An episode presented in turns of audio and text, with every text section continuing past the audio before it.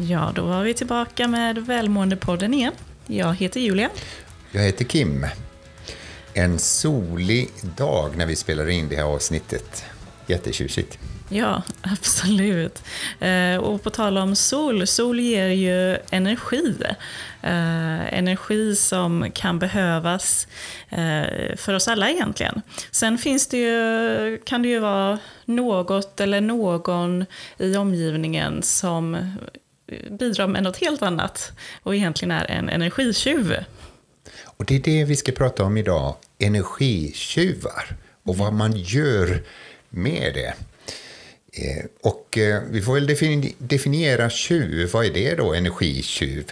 Och i, i min värld så är tjuv någonting som tar någonting ifrån dig eh, och utan din vilja. Så du vill inte någon kommer och tar någonting ifrån dig. Och i detta, i det här bemärkelsen handlar det om energi. Ja, så det, du kan säkert känna igen då att det är någon som minskar din energi, du upplever kanske någon slags negativ, negativitet och eh, no, något som dränerar dig. Så att eh, efter du har varit nära den här personen eh, så känner du dig utmattad och eh, kanske frågar dig själv vad var det som hände nu egentligen?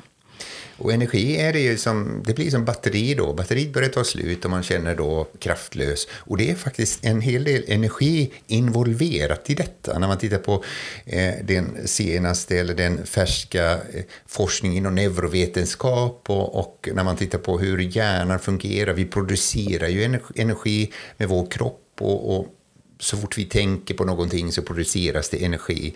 Och när det börjar ta slut så börjar tankarna ta slut och, och kroppen ta slut. Och eh, framförallt det är kopplat till våra känslor också. Man, man är inte så uppåt och så vidare när energin är slut. Och eh, det finns ju sätt att eh, jobba med energitjuvar. Det första är, om du jämför med, med tjuvar som kommer till en butik, om du har en butik eh, som, som du är en butik och det kommer in tjuvar, så är det ju det första steget att identifiera. Vad är det? Vem är tjuven här? Så vi inte slänger ut vanliga kunder som, som ger dig energi och så vidare. Utan, utan de kunderna som kommer in och stjäl då någonting från dig, då, identifiera vilka det är. Och eh, det finns ju vissa saker.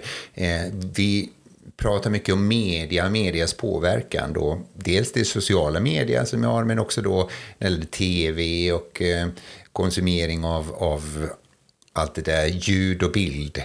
Eh, och det kan ju faktiskt dränera oss på energi. Eh, det andra är ju givetvis människor. Vissa människor som jag kallar för energivampyrer. Efter, efterhand när man har umgås med, med vissa människor då som kan identifieras som energivampyrer så kan man känna sig efteråt väldigt nere. Det kan vara ditt arbete som energitjuv. Du eh, arbetar med någonting som är monoton, som du tycker att nu tar eh, det slut. Och det kan också vara din egen hjärna som spökar till det. Och det är faktiskt så att när du fokuserar på vissa saker så är det energi energigivande och andra saker som du fokuserar på så är det energidränerande.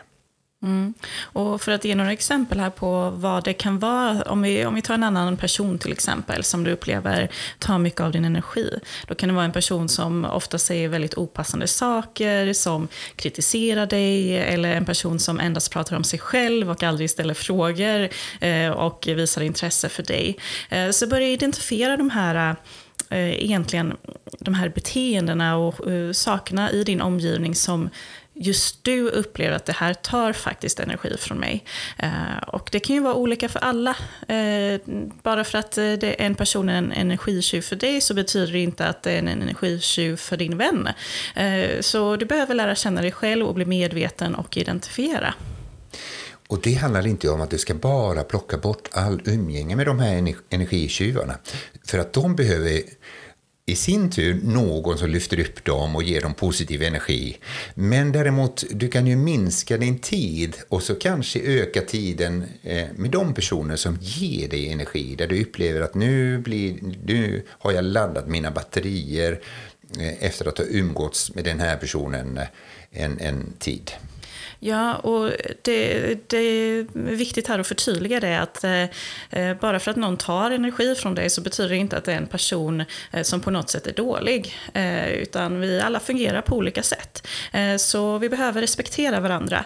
Eh, och någonting som du kan göra där det är ju att faktiskt kommunicera dina gränser.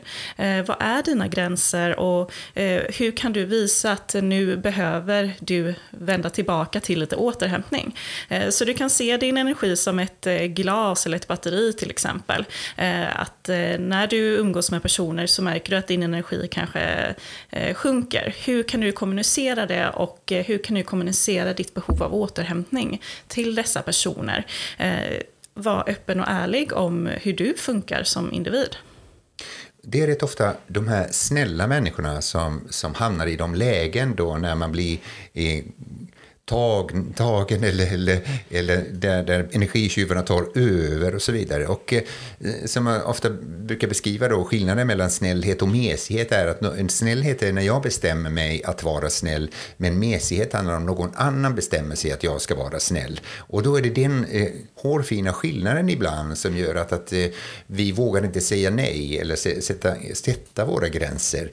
Man intervjuade Warren Buffett för ett tag sedan och, och eh, för hans framgång. Vad var det? Vilka hemligheter han hade? Och han sa att 99 procent av saker säger jag nej till till människor, till tillfällen och så vidare. Så att han, han hade lärt sätta sina gränser och fokusera på det som gav energi och, och, och också skapade resultat. Sen kan det ju vara viktigt att fundera på vad du bidrar med till rummet. Ehm, det är ju ofta så att eh, om vi tar en arbetsplats till exempel där många upplever att här är det någonting som sitter i väggarna, energin bara minskar direkt så fort man kommer in i, eh, på arbetsplatsen eller på kontoret. Ehm, är du en bidragande faktor till den energin? På arbetsplatsen. Eh, och oftast är det ju så att man har en slags negativ social norm. Man skapar en norm på arbetsplatsen vilket gör att man själv beter sig på ett sätt som man kanske själv inte gör hemma vid. Varför ska man bete sig på ett sätt på arbetsplatsen för att alla andra säger att det är si, det är så och livet är skit. Eh, men hemma så är det jätteglad. Kan du inte fundera på hur bidrar du till en sån eh, negativ social norm och hur kan du agera för att förbättra den? Eh, det innebär inte att det är du som ska ta ansvar för alla andra, men du kan ta ansvar för hur du själv beter dig och hur du själv arbetar med din energi. Och det kan ibland handla om mellan att, att eh, ha rätt eller skapa rätt energi. Eh, vissa människor är det som fokuserar på att ha rätt i en viss kommunikation eller situation eller ett samtal så att man glömmer bort det där att nu minskar jag energin eller dränerar det här rummet på energi. Och eh, det var en person som kontaktade mig för några, något år sedan som berättade om en händelse som, där jag var involverad i för att han och en annan person hade ett, eh, kom, in i samtal under fikarasten. Och eh, han var så fokuserad på att han hade rätt i samtal. Och jag avbröt dem, dessa två herrar eh, som det var i det här läget och så sa, märker ni inte vad som händer runt omkring er? Folk tar sina kaffekoppar och går tillbaka till sina rum och försvinner runt omkring här för att ni skapar så negativ energi. Och han nämnde efteråt att det var en väldigt eh, viktig lärdom för honom. Han insåg inte det för att han var så involverad i att få rätt i ett samtal. Spännande det här hur vi fungerar och eh, ibland inte tänker till i hur vi själva bidrar till ett sammanhang. Någonting som är populärt idag på sociala medier och särskilt bland unga är just det här med triggers. Och man, innan man lägger ut någonting som kanske triggar andra till att må lite dåligt så har man så trigger warning eh, innan. Eh, och eh, själva idén är ju jättebra eh, för att eh, då kan man skydda personer beroende om det är kroppshets eller något annat till exempel. Men vad man har börjat eh, se nu det är att det här trigger warnings har börjat användas utvecklas i alldeles för hög utsträckning. Ehm, för så här är det att du kommer bli triggad av saker i livet. Och du kan inte skydda dig själv från dem hela tiden. Och det är inte heller bra för din psykologiska motståndskraft. För om du aldrig utsätter dig för svåra situationer eller är med om eh, utmaningar i livet, då kommer du heller aldrig att utvecklas. Då kommer du stagneras och eh, sen faktiskt också känna att livet är inte så meningsfullt ändå. Eh, och det vet vi att livet är någonting vi gör meningsfullt. Så bli medveten om vilka är dina triggers och vilka triggers kan du faktiskt utsätta dig för ibland för att utmana dig själv i att träna ditt beteende eh, på nya sätt? Hur kan man agera, hur kan man reagera och hur kan man arbeta med sina känslor i den här situationen? Sen finns det såklart triggers som eh, du såklart ska undvika för att det kan vara direkt eh, farligt för dig, ohälsosamt. Eh, och då är det viktigt att du vet vilka triggers det är och eh, lägga upp en strategi för hur du undviker dessa triggers. Och en sak som dränerar oss på energi, det är som sagt våran hjärna.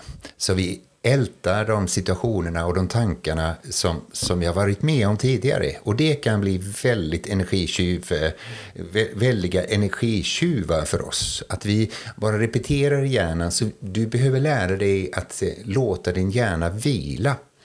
Rätt ofta så fokuserar vi på bakåt i ältande, men också rädslan för framtiden. Du kan inte vara rädd i nuet, utan du är alltid rädd för någonting som komma skall. Och det är det som är intressant, vi fokuserar framåt hela tiden. Om jag är rädd för höjder så är jag väldigt rädd för att komma nära, nära stupet. Men om jag står vid nära stupet så är jag inte rädd för att stå nära stupet, jag är rädd för att falla. Och om jag nu skulle falla så är jag inte rädd för att falla, utan jag är rädd för att slå ner. så, så, det är hela tiden framtiden.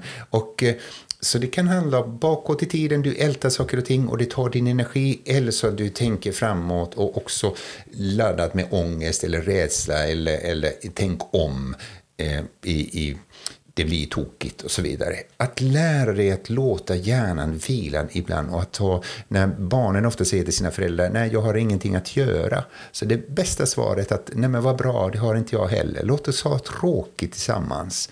När du lär dig att ha tråkigt så vilar din hjärna. Jag hade ett samtal med, med en coachklient alldeles eh, i dagarna här som näm nämnde detta. Det blir så skönt, jag har lärt mig att vila hjärnan i jämna mellanrum. För att då laddar jag batteriet och, och eh, skapar energi. Så det är jätteviktigt.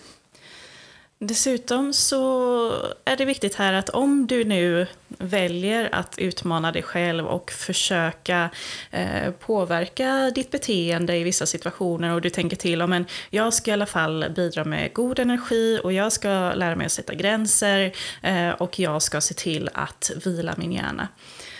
Många som påbörjar den här resan, då börjar man också peka på alla andra som inte gör det. Där har du en fälla. Hamna inte i en offerkofta för att du själv tar ansvar för ditt liv och tycker att alla andra också borde göra det. Det finns människor här som väljer att bara fortsätta leva på utan att eh, ta tag i eh, den här negativa känslan på arbetet till exempel. Och respektera deras val. Eh, för det enda du kan eh, påverka det är dig själv. Sen är det ju så att när du väl påverkar dig själv och du är i en förändring, då är det ju stor chans att du också drar till dig personer som som eh, uppskattar den förändringen och det bidrar till energi. Så ta inte på dig någon offerkofta och peka på alla andra, utan respektera deras val och fokusera på dig själv i din utveckling. Och då eh, boostar du upp din energi.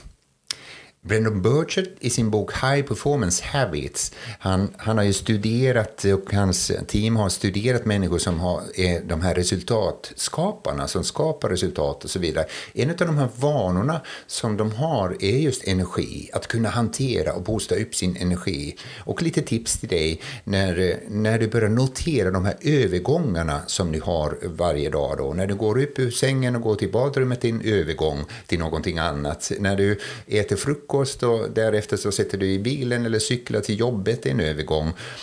Och när du noterar övergångarna på jobbet också. Ni har ett första möte på jobbet och det är väldigt tungt så det är väldigt lätt att du bär med dig hela det här första tunga mötet hela dagen och det är energitjuv.